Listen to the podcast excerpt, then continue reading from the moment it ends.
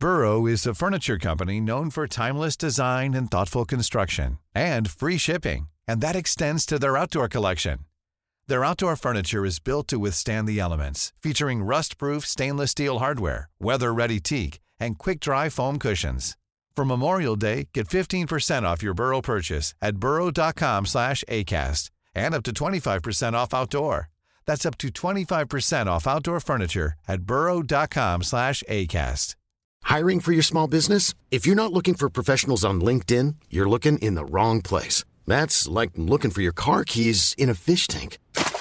LinkedIn helps you hire professionals you can't find anywhere else, even those who aren't actively searching for a new job but might be open to the perfect role. In a given month, over 70% of LinkedIn users don't even visit other leading job sites. So start looking in the right place. With LinkedIn, you can hire professionals like a professional. Post your free job on linkedin.com slash people today.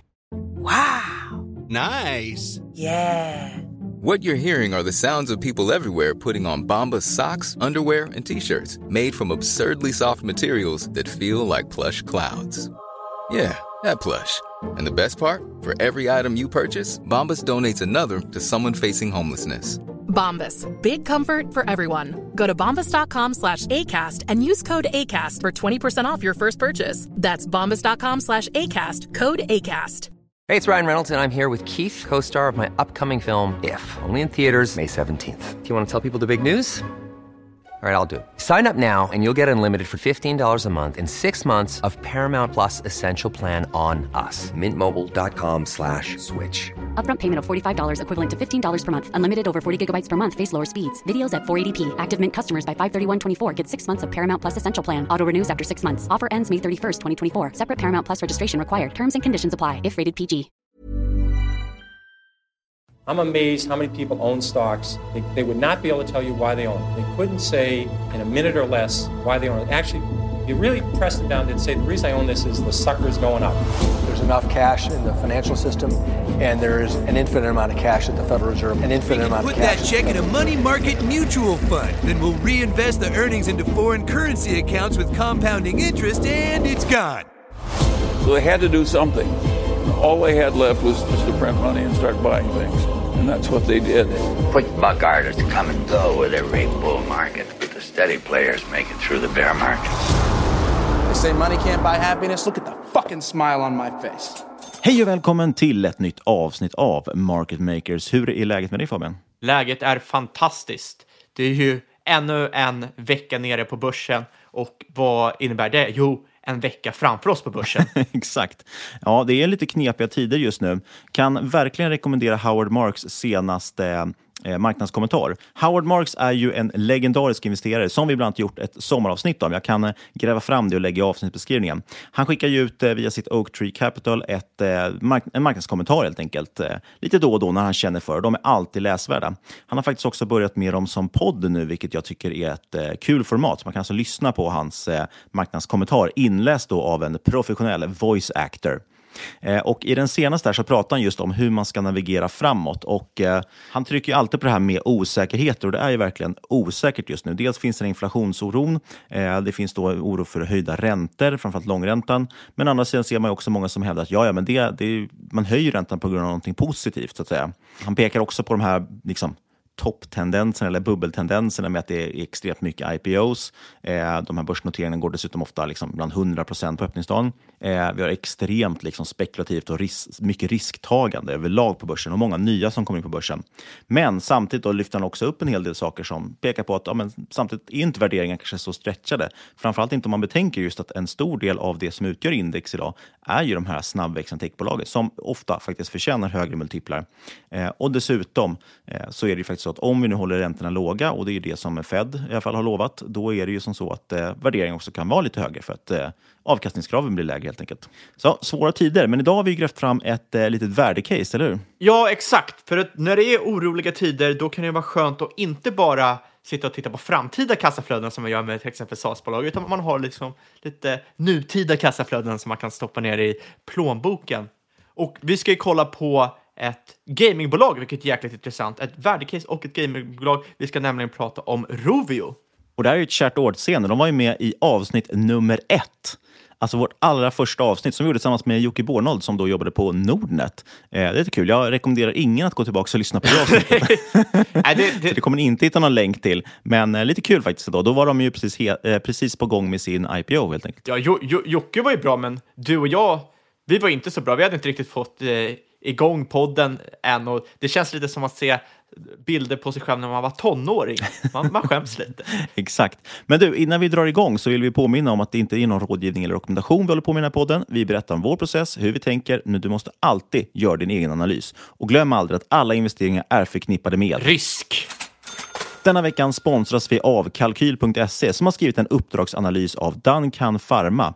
Det finns en länk i avsnittsbeskrivningen för att gå in och läsa hela den här uppdragsanalysen. Men det vi kan nämna om Duncan Pharma är att det är ett danskt bolag verksamma inom det som kallas för medicinsk cannabis, något som vi pratat om tidigare i den här podden.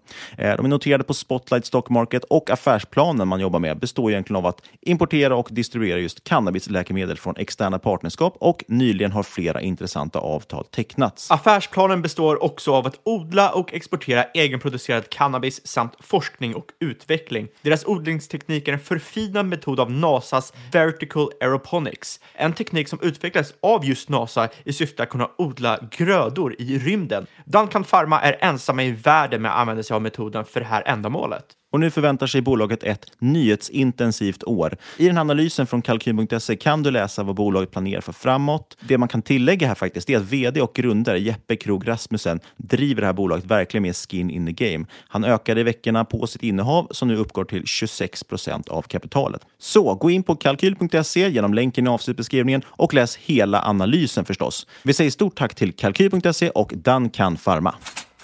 Ja, vi ska ju snacka Rovio idag.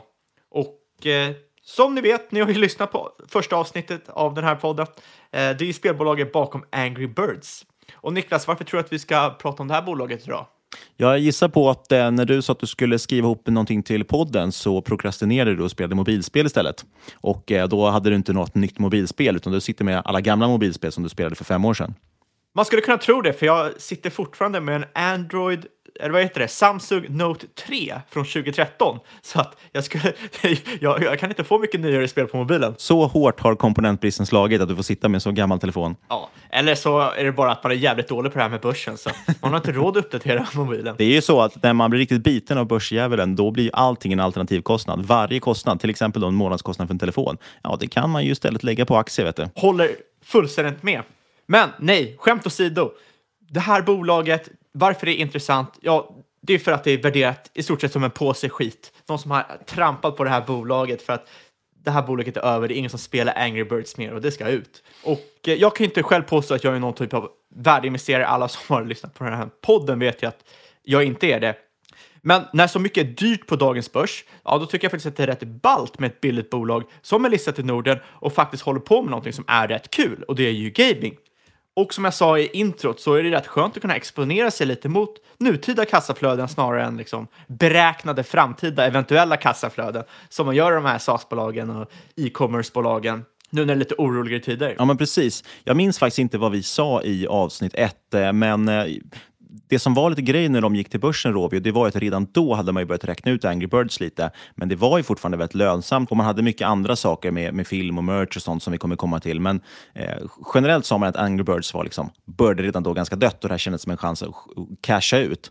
Och det är ju just på grund av det här, att, att Angry Birds ses som någonting gammalt och, och blasé. Liksom. Så det är det som är anledningen också till att bolaget värderas väldigt billigt. För att de har inte jättemycket annat eh, när man liksom tittar på det på ytan. Men det man inte får glömma är att många av de här mobilspelen är faktiskt väldigt, väldigt stickiga. Så många, många år efter de har pikat så kan de fortsätta generera pengar. Och det gäller ju även för Angry Birds. Eh, precis på samma sätt som att eh, Candy Crush och många andra spel som liksom, man tänker att det, det spelar väl folk inte längre, men det är fortfarande jättestort och genererar väldigt mycket kassaflöde idag, som du säger. Framtiden och tillväxten, den är väldigt tveksam kanske i vissa av de här bolagen. Men dagen, eh, idag så är de liksom ett moget bolag som genererar kassaflöde. Absolut. Och det är det som är lite caset, plus de här andra optionaliteterna. Exakt. Angry Birds, Glory Days, det är absolut förbi. Det finns ju, liksom, det är ingen snack om saken. Det är inte som, det det är inte 2011 längre, det är inte var och varannan unge sitter inte med Angry Birds på mobilen. Men som du säger, det är faktiskt inga problem om man kan fortsätta utvinna pengarna ur de spelare som faktiskt är kvar. Och exakt det du säger, det är det som är caset idag, plus andra optionaliteter. Men i alla fall, Rovio har tre avdelningar. Du har spel, licensiering och streaming. I stort sett hela speldivisionen är idag Angry Birds. Eh, licensiering och streaming står för en liten del av omsättningen. Men trots att eh, Angry Birds-franchisen har några år på nacken så har man faktiskt flera aktiva spel i franchisen. Eh, och så är till exempel Angry Birds 2, det är det här klassiska slingshot-spelet. Det är faktiskt ett topp 100 grossing-spel i USA under 2020. Alltså det var ett av de 100 spel som drog in mest pengar i USA, det, vilket är rätt otroligt. Det jag kan tänka mig där, om jag får sticka in en kommentar, det är väl precis som i Candy Crush som fortfarande också är väldigt lönsamt så vitt jag vet. Det kanske finns någon form av liknelse här med eh, tobaksbolagen som vi tog upp för många, många år sedan, där vi pratade om att eh, kunderna hos tobaksbolag, men tobaksbolagen har alla trender emot sig. Eh, färre och färre röker och det sätter mer och mer skatter på tobak. Men de kan liksom kontra det med att höja priserna för de kunder som blir kvar, det är de allra mest beroende. Och Jag tror ändå att det finns någon form av parallell faktiskt till mobilspel. Att de som fortfarande sitter och spelar Angry Birds idag, det kanske också är de som är mest inbitna och faktiskt då spenderar mest pengar. Det är inte de här lättflyktiga liksom, eh, gratisanvändarna. Så är det absolut. Eh, man får inte glömma bort att den stora drivaren av mobilspel är så kallad whale monetization. Och det är i stort sett en val. Det är de som pu liksom pungar in jätte, jättemycket pengar.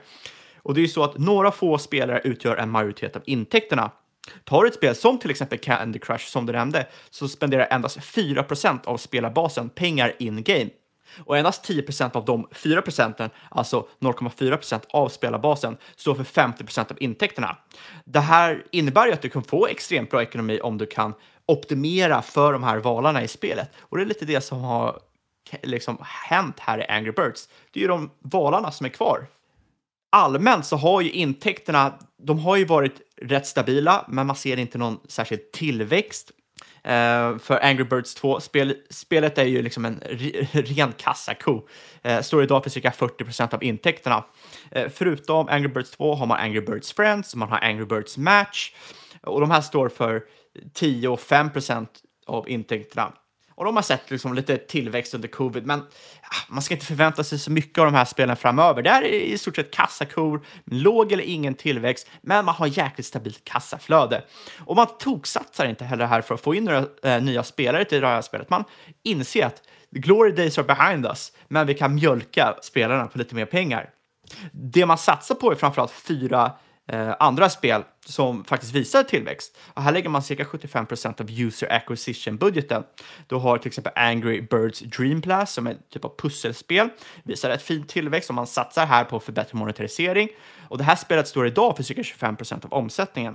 Sen har man tre andra spel som faktiskt inte är inom Angry Birds-franchisen. Och det här tycker jag är rätt intressant. Du har Small Town Murderers som är ett egenutvecklat pusselspel. Du har Sugar Blast som också är ett pusselspel, lite likt eh, Candy Crush till utseendet. Och sen har du Darkfire Heroes som är ett RPG-spel som kom när man eh, köpte upp Darkfire Game Studio tidigare 2020. Och de här spelen står än nu bara för några procent av omsättningen, men man satsar på att det ska bli en allt större del av den totala omsättningen framöver. Och det som faktiskt är väldigt intressant med eh, spelavdelningen är att den har ju legat totalt sett flattish för att ja, de här bolagen som inte växer, det är de som utgör de stora intäktsströmmarna. Men man har trots det kunnat halvera user acquisition-kostnader. Och det här är ju rätt intressant för att ja, då när du har stagnerad tillväxt, då har de kunnat vrida på ratten för att öka marginalerna. Och det har ju lett till att dels har de en mycket tajtare user acquisition-strategi där de har lagt otroligt mycket fokus på att ha en payback inom ett år. Men det har också lett att pengarna från toplinen, ja, det har ju tricklat ner bottomline så att de har ju fått en förbättrad eh, lönsamhet. Det där tänker jag kanske är ganska klokt. Det är bra att de inser liksom sin eh, sjukdomsbild, höll jag på att säga. Men de inser ju vilken liksom fas de är i. Så de, de bränner inte allt de har för att satsa på tillväxt, utan de försöker som säger mjölka. Och de dubblade ju vinstmarginalen, mer än dubblade, nästan tredubblade den eh, i, i, procentenheter då, eh, från 2019 till 2020. Så man har ju verkligen kunnat få ut mycket pengar ur, ur eh, eller snarare mycket lönsamhet i det som kommer, av det som kommer in i omsättningen. Ja, det är extremt intressant när man tar eh, i samband med att aktiva användare minskar, men att ARPU faktiskt ökar. Per eh, Q4 2020 så var monthly active users ned cirka 27 procent year on year, samtidigt som average revenue per user, ja, det var upp 33 procent year on year. Så man är faktiskt nettopositiv här i intäkterna, fast att liksom, spelantalet minskar. Och det här är för att man har fått snurr på eh, monetarisering. Man kan få bättre ROI, alltså eh, return on investment, på kundbasen. För det är som vi sa tidigare, det spelar egentligen ingen roll om man tappar de här low value-kunderna så länge man kan ha kvar sina high value-kunder. Och det bör ju tilläggas att man, man satsar ju på de här eh, free to play-spelen och 88% av omsättningen kommer från in-app purchases. Så att kunna optimera spelen för valarna är otroligt viktigt. Men exakt som du säger Niklas, så jag menar att när man inte kan liksom fokusera på toplinen för det har stagnerat, att då byta fokus och fokusera på bottenlinjen är otroligt klok. Och som du säger, du har gett resultat på vinstmarginalen och du har också eh, gett resultat på earnings per share. Det har ju nästan dubblats på tre år. Ah, man, man har väl en liten, liten bit kvar där, men det, man har ju sett otroligt liksom, aktieägarvärde där. Och eh, ja, troligtvis kommer man ju se liksom, fortsätta se den här vinsttillväxten i framtiden från till exempel de nya spelen som, eh, som är utanför Angry Birds-serien det är ju liksom lite det här som är väldigt, väldigt intressant. Eh, för trots att Angry Birds glansdagar är förbi så är inte, ja, serien är inte död för det. Det ska ju till exempel släppas en Netflix-serie i, eh, under 2020 som heter Angry Birds Summer Madness. Och det kan ju liksom dra igång intresset för spelet på nytt. Och det är egentligen de här optionaliteterna som är väldigt intressanta med det här caset. Man hoppas väl på Queens Gambit-effekten där alla helt plötsligt börjar spela exakt. schack. Ja, jo, exakt. Och du behöver egentligen inte ha så stor liksom, effekt. Det, det, det räcker med att du har några kids som kollar på serien och sen tänker ja, men det här ser intressant ut, så tankar de den och så får du några nya... Ja, och det, det som kanske finns en liten för här, nu, nu tror jag inte man ska sitta och hoppas på någon jättetillväxt i det här bolaget, men eh, det går ju ändå i vågor det här. Jag menar, saker som är väldigt heta och, och, och trendiga, de, de liksom försvinner ut efter ett tag, man tappar intresse för det. Sen kommer vissa saker tillbaka. Så jag menar, de ungdomar som, som sitter och spelar mobilspel idag, eh, de kanske knappt ens känner till Angry Birds, så det kan ju faktiskt vara en liten chans att det kommer upp som någonting nytt. Eh, men sen, sen måste jag erkänna att jag vet inte exakt vilken målgrupp de har här, hur pass unga är det eller inte. Men det är ändå intressant att alla former av sådana här eh, samarbeten som serier och sånt drar ju såklart intresse till, till eh, spelen. Verkligen. Och som sagt, det blir de här optionella. För i grunden har du ju då en väldigt billig kassaflödesmaskin. Du har mycket kassa, du har ma möjligheter och det är ju intressant om du bara vill få liksom lite pengar i plånboken. Men sen när du liksom tar hänsyn till de här nya spelen som är utanför Angry Birds-franchisen, du har potentiell Netflix-serie som potentiellt kan öka eh, tillväxten. Helt plötsligt så har du ju ett case där, ja, kanske möjligen får man igång tillväxten i det här bolaget också.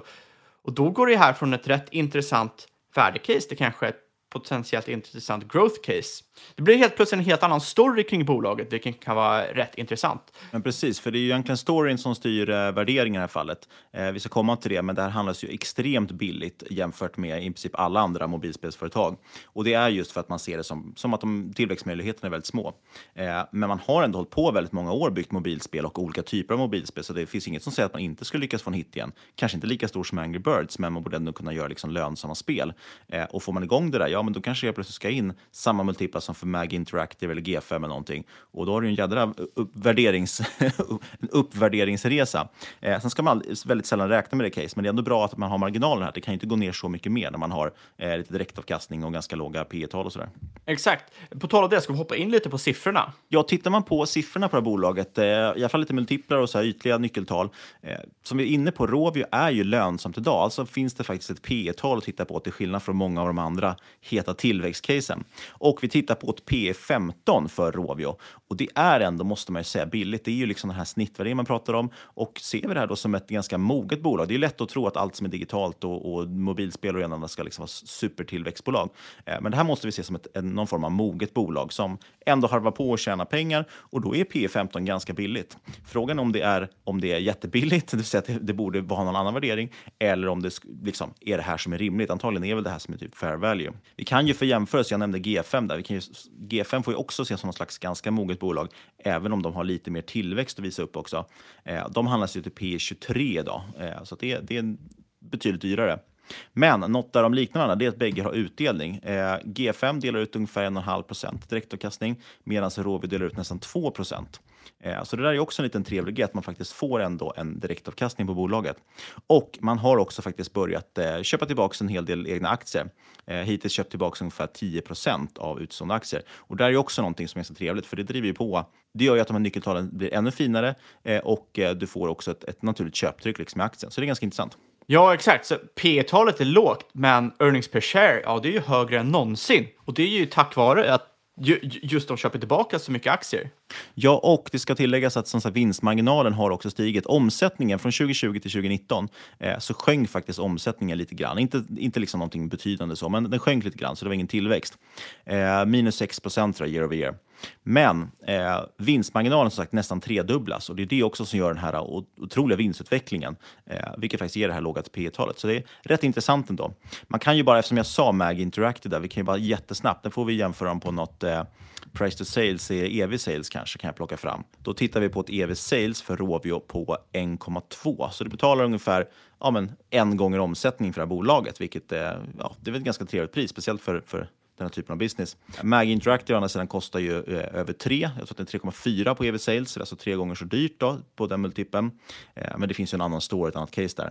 Och G5 handlar till 2,7, så också eh, mer än dubbelt så dyrt. Så det är väl ändå, liksom, sett till multiplar och, och hyfsat jämförbara företag, så, så ser det ganska billigt ut. Men det är ju då för att tillväxten förväntas bli ganska låg. Sen ska man ju inte glömma heller att de får in cirka 60 miljoner euro i operating cash flow per år. Och där har man ju bara cirka 4 miljoner capex. Alltså man behöver inte investera någonting i verksamheten. Det är bara kassaflöde rakt in i bolaget. Så, så, så man har otroliga möjligheter här för till exempel ma aktivitet om man vill göra det. Man sitter också på en enorm kassa, cirka 140 miljoner euro om man kollar på ca- eh, cash och det man har i money market-fonder. Och så ställer du det här mot att man har ett market cap på cirka 530 miljoner euro. Ja, då sitter ju du med cirka en tredjedel av bolaget i ren kassa.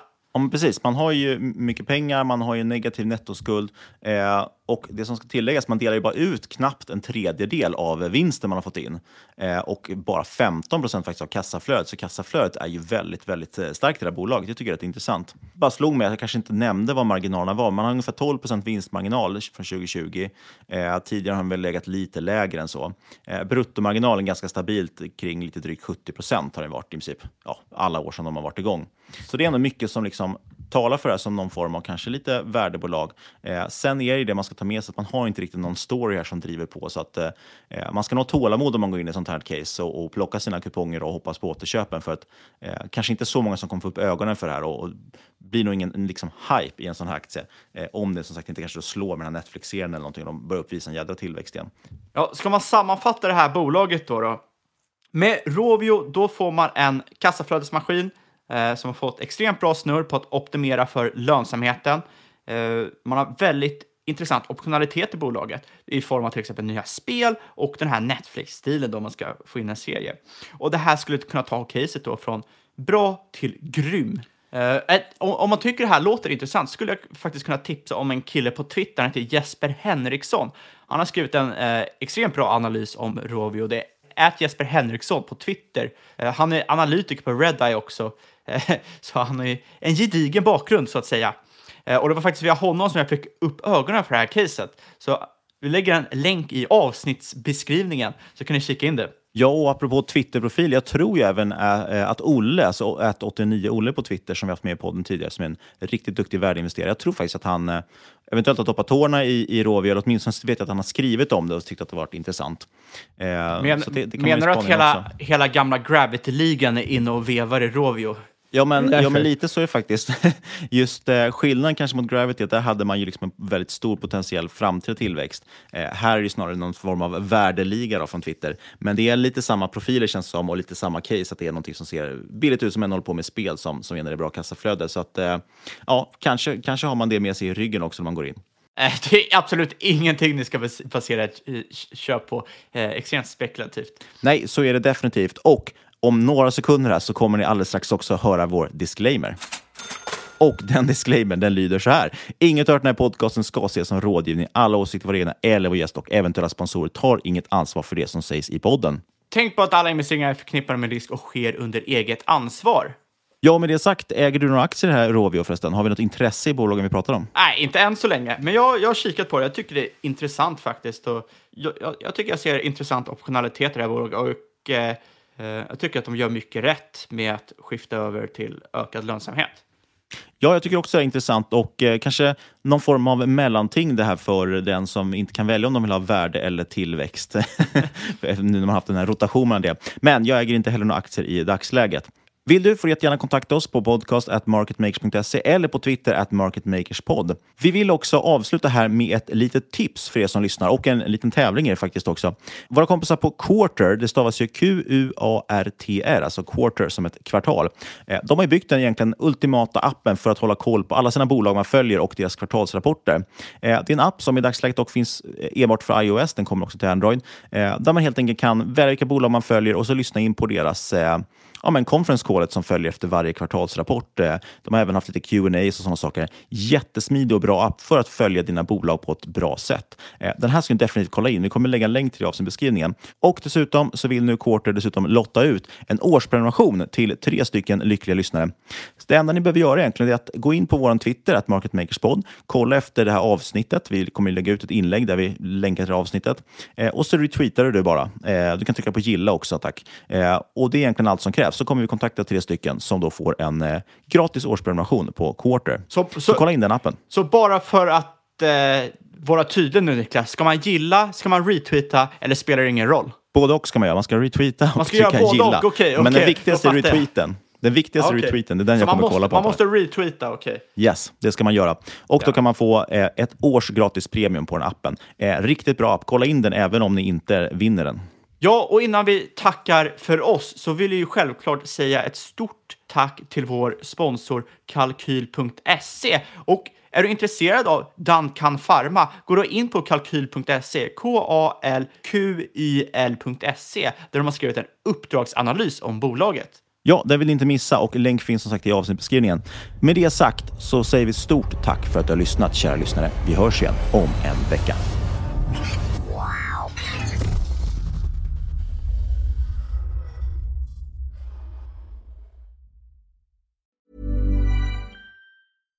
One size fits all seemed like a good idea for clothes. Nice dress. Uh, it's a it's a t-shirt. Until you tried it on. Same goes for your healthcare. That's why United Healthcare offers a variety of flexible, budget-friendly coverage for medical, vision, dental, and more. So whether you're between jobs, coming off a parent's plan, or even missed open enrollment, you can find the plan that fits you best. Find out more about United Healthcare coverage at uh1.com. That's uh1.com.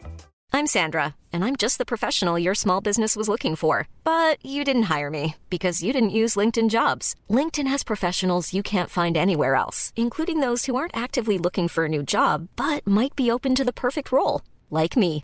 In a given month, over 70% of LinkedIn users don't visit other leading job sites. So if you're not looking on LinkedIn, you'll miss out on great candidates like Sandra.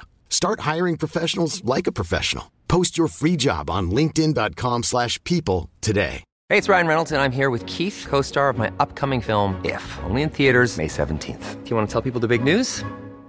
All right, I'll do it. Sign up now and you'll get unlimited for $15 a month in six months of Paramount Plus Essential Plan on us. Mintmobile.com slash switch. Upfront payment of $45 equivalent to $15 per month. Unlimited over 40 gigabytes per month. Face lower speeds. Videos at 480p. Active Mint customers by 531.24 get six months of Paramount Plus Essential Plan. Auto renews after six months. Offer ends May 31st, 2024. Separate Paramount Plus registration required. Terms and conditions apply if rated PG.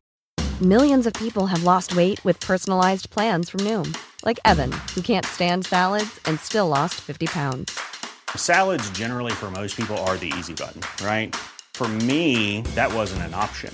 I never really was a salad guy. That's just not who I am. But Noom worked for me. Get your personalized plan today at Noom.com. Real Noom user compensated to provide their story. In four weeks, the typical Noom user can expect to lose one to two pounds per week. Individual results may vary.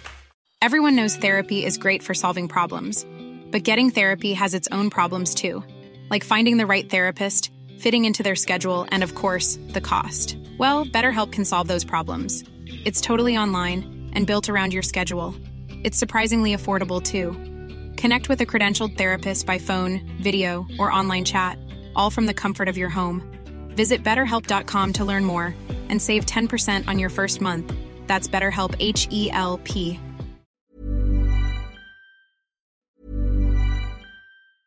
Mom deserves the best, and there's no better place to shop for Mother's Day than Whole Foods Market. They're your destination for unbeatable savings, from premium gifts to show-stopping flowers and irresistible desserts. Start by saving 33% with Prime on all body care and candles. Then get a 15-stem bunch of tulips for just $9.99 each with Prime. Round out Mom's menu with festive rosé, irresistible berry chantilly cake, and more special treats. Come celebrate Mother's Day at Whole Foods Market.